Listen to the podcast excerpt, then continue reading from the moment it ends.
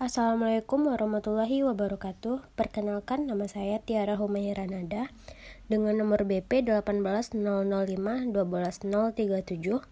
dari jurusan pemasaran 1. Tugas ini merupakan ujian akhir semester saya yang berjudul apa yang dilakukan oleh peritel di tengah pandemi COVID-19 ini. Indonesia masih bergelut melawan virus corona hingga saat ini, sama dengan negara lain di dunia. Jumlah kasus virus corona terus bertambah dengan beberapa melaporkan kesembuhan, tapi tak sedikit yang meninggal. Usaha penanganan dan pencegahan terus dilakukan demi melawan COVID-19 dengan gejala mirip dengan flu. Merebaknya kasus virus corona begitu mempengaruhi kehidupan banyak orang dari segi kesehatan, pendidikan, termasuk juga ekonomi. Jumlah kasus, kasus COVID-19 yang terus bertambah membuat laju sejumlah bisnis pun melambat. Apalagi masyarakat saat ini tengah mengurangi aktivitas di luar rumah seperti liburan atau belanja. Roda perekonomian pun melambat, pasar mulai melesu, omset menurun, begitu pula dengan produktivitas. Pemerintah pun telah menyiapkan stimulus untuk membantu mendongkrak ekonomi dan menjaga daya beli, khususnya terhadap UMKM namun, sebagai pebisnis, tentu kita harus siap juga menyiapkan strategi. Melihat kondisi merebaknya COVID-19 yang terjadi pada saat sekarang ini, sebagai peritel tentu harus ada usaha dan strategi yang dilakukan agar ekonomi tetap berjalan. Usaha dan strategi yang dilakukan antara lain yaitu yang pertama, tunjukkan kepedulian. Tunjukkan kepekaanmu dalam merespon pandemi ini jaga komunikasi yang baik dengan pelanggan, hati-hati dalam mempromosikan produk atau jasamu. Jangan sampai brandmu terkesan seperti memanfaatkan situasi untuk membicarakan diri sendiri dan mencari keuntungan. Hal ini akan memberikan citra yang buruk terhadap bisnismu. Yang kedua, berikan distraksi yang positif. Situasi yang tidak pasti membuat banyak orang merasa khawatir dan stres. Kondisi seperti ini bukanlah saat yang tepat untuk mempromosikan penjualan bukan hanya karena strategi seperti ini bisa berbalik menyerang brandmu, tetapi juga kemungkinan besar tidak akan tepat sasaran dan mencapai target yang diinginkan. Yang ketiga, kaji ulang anggaran dan jaga cash flow. Financial business merupakan hal kursi, krusial yang perlu diperhatikan, terutama dalam kondisi seperti ini. Keuangan yang dikelola dengan baik dan hati-hati berisiko pada kelangsungan bisnismu. Anggaran merupakan gambaran budget suatu bisnis yang penting untuk dilakukan, baik untuk mengevaluasi hasil kerja maupun membuat perencanaan dan target untuk periode atau tahun selanjutnya. Dalam situasi seperti ini, pebisnis harus bijak dalam mengambil keputusan. Apakah ada anggaran yang bisa dipangkas untuk memotong pengeluaran? Bagaimana dengan alur cash flow? Pastikan setiap transaksi terbukukan dengan baik dan rapi agar cash flow tetap seimbang. Yang keempat, memaksimalkan penjualan online. Membatasi berinteraksi di ruang terbuka, masyarakat akan mencari cara alternatif untuk bisa memenuhi kebutuhannya tanpa harus keluar rumah. Di Cina, saat puncak infeksi COVID-19, belanja online menjadi pilihan. Sekarang hal sama terjadi di Indonesia. Terbukti dengan transaksi e-commerce di Indonesia yang meningkat. Oleh karena itu, Anda sebaiknya juga beralih fokus strategi di penjualan online Setidaknya cara ini bisa menyelamatkan Anda dari kerugian-kerugian akibat turunnya penjualan di toko offline. Yang kelima, memperlakukan program promosi.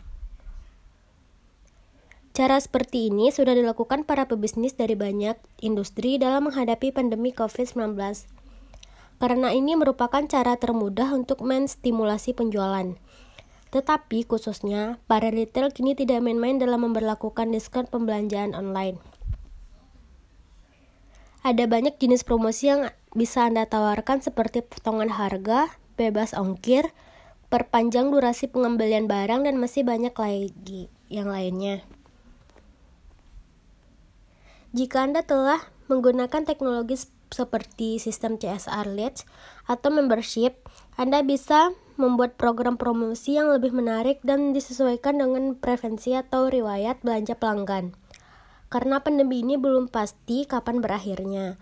Anda mungkin harus menggunakan strategi program promosi ini lebih lama dan lebih gila. Jadi pastikan Anda bisa mengontrol margin penjualan di setiap produk secara efektif. Yang keenam, fokus pada penjualan produk yang paling laku. Perlu digarisbawahi, Poin ini tidak berlaku untuk retail barang yang paling dibutuhkan saat pandemi seperti masker, hand sanitizer, dan kebutuhan rumah tangga lainnya. Penjualan barang tersebut harus dibatasi dan dijaga kestabilan harganya untuk mencegah penimbunan. Strategi ini berlaku untuk para retail yang memproduksi barang dagangannya sendiri. Yang ketujuh, bernegosiasi dengan para supplier dan vendor. Seperti yang disebutkan poin di atas, pengusaha retail harus bergelut dengan stok barang yang menipis dan harga yang melangit. Sedikitnya tenaga kerja, sulitnya mengoptimalkan stok barang dan prediksi inventaris yang tidak diandalkan bisa memperparah penjualan Anda. Untuk mengatasinya, Anda sebaiknya mulai menyiapkan strategi sedini mungkin. Yang kedelapan, memperketat layanan toko. Pada keadaan seperti saat sekarang ini, untuk menghindari penyebaran COVID perlu dilakukannya pelayanan yang ketat seperti harus memakai masker, mencuci tangan, membatasi orang yang masuk, dan pengecekan suhu badan sebelum memasuki toko retail. Yang, ke yang kesembilan, mempersiapkan pemulihan.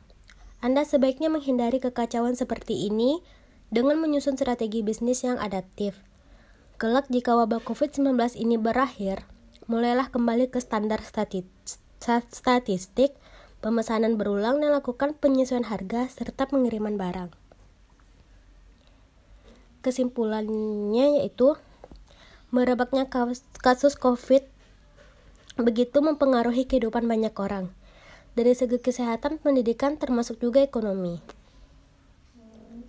Jumlah COVID-19 yang terus bertambah membuat laju sejumlah bisnis pun melambat. Apalagi, masyarakat saat ini tengah mengurangi aktivitas di luar rumah seperti liburan atau belanja. Roda perekonomian pun berlambat, pasar mulai lesu, omset menurut, begitu pula dengan produktivitas. Banyak orang kehilangan pekerjaan akibat merosotnya ekonomi di Indonesia. Usaha dan strategi di atas bisa dilakukan untuk menumbuhkan kembali ekonomi yang merosot. Saran dari saya itu tetap waspada dan berhati-hati selama pandemi COVID-19 ini. Sediakan hand sanitizer atau air dan sabun cuci tangan di setiap toko retail.